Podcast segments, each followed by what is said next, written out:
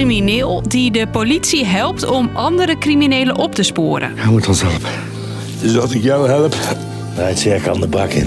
Je kent de tactiek misschien wel van de serie Undercover, maar ook in het echte leven wordt zo'n criminele burgerinfiltrant wel eens gebruikt. En zijn taak was om daar ja, mee te kijken, aan tafel te zitten, op die manier ook bewijs te verzamelen. Maar op die methode is ook kritiek. Je gaat natuurlijk wel met iemand werken uit het milieu. Die kan altijd een dubbele agenda hebben. Ik ben Hilde en ik vertel je waarom de criminele burgerinfiltrant zo'n omstreden middel is.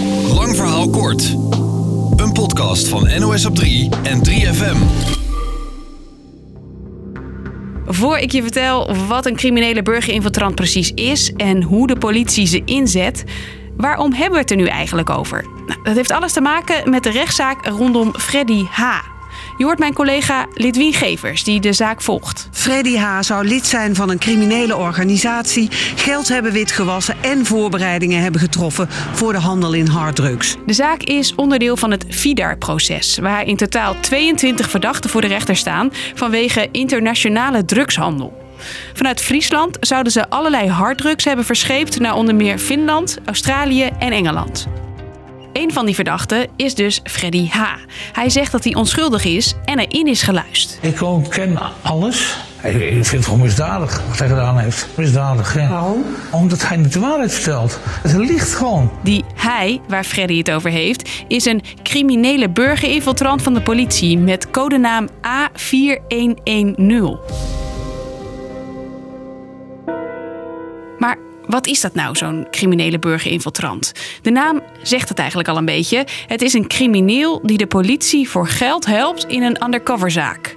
Sven Brinkhoff is hoogleraar strafrecht en weet waarom de politie de methode gebruikt. In sommige groepen kom je nou eenmaal niet binnen als eh, politie zijnde.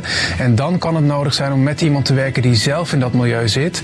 En om die dan als het ware voor je te laten werken. Maar dat mag de politie niet zomaar doen. Alleen als niks anders meer werkt. De minister moet dan toestemming geven en ze moeten de infiltrant uitvoerig checken. Tegenwoordig zijn er hele specialistenteams, met name van de politie, die daar eigenlijk op voorhand al helemaal zo'n persoon als het ware helemaal doorlicht. Kijken van, nou ja, met wat voor een persoon hebben we nou eigenlijk te maken. De zaak van Freddy H. was zo'n geval waar de politie geen andere optie had dan de hulp van een crimineel inzetten, vertelt mijn collega Lidwien. Volgens het Openbaar Ministerie leverden telefoontaps, afluisteroperaties en observaties allemaal niets op in deze zaak. En daarom was er geen andere mogelijkheid dan de inzet van zo'n criminele burgerinfiltrant. De infiltrant die de politie gebruikte kende Freddy al van jaren geleden. Zo kwamen ze dus makkelijk in contact. Zover we weten is het voor het eerst in ruim 20 jaar tijd dat de politie deze methode gebruikt. De politie mocht het al die tijd niet gebruiken omdat het in de jaren 90 helemaal misging bij de IRT-affaire. De IRT was een rechercheteam dat opgericht werd om een grote club met drugscriminelen aan te pakken. En toen hebben we uh, met z'n allen bedacht dat we informatie van binnenuit uh, moesten hebben om een organisatie te kunnen ontmantelen. Je hoort de rechercheur die betrokken was bij de infiltraties. Wij gingen met meerdere informanten werken en die kregen dus de gelegenheid om te groeien in de organisatie. Die informanten waren criminelen, maar de inzet ervan liep uit de hand. De infiltranten verdienden bakken met geld met het importeren van drugs. Het gebruik van criminelen als infiltrant werd daarna verboden. Inmiddels mag het weer, maar de risico's van toen zijn er nu nog steeds, vertelt hoogleraar Brinkhoff. Je gaat natuurlijk wel met iemand werken uit het milieu. Die kan altijd een dubbele agenda hebben. Zelf bijvoorbeeld uh, drugs willen binnenhalen. In, uh, en dat blijft in de kern natuurlijk altijd het bezwaar rondom de inzet van burgers. De oncontroleerbaarheid van het geheel. Behalve het gevaar dat de infiltrant toch niet te vertrouwen is, speelt er nog iets.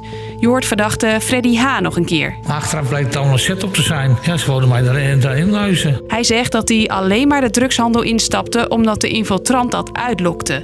En dat maakt de zaak volgens de hoogleraar nu opnieuw gevoelig. Ja, dat beginstuk, daar weten we helemaal niet van ja, of het nou is uitgelokt, ja of nee.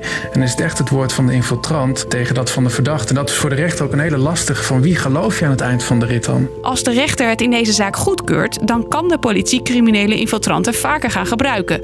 Als je het de oud-rechercheur vraagt, is dat niet zo gek. Nou, mijn stellige overtuiging is nog steeds dat alleen met boeven vang je boeven.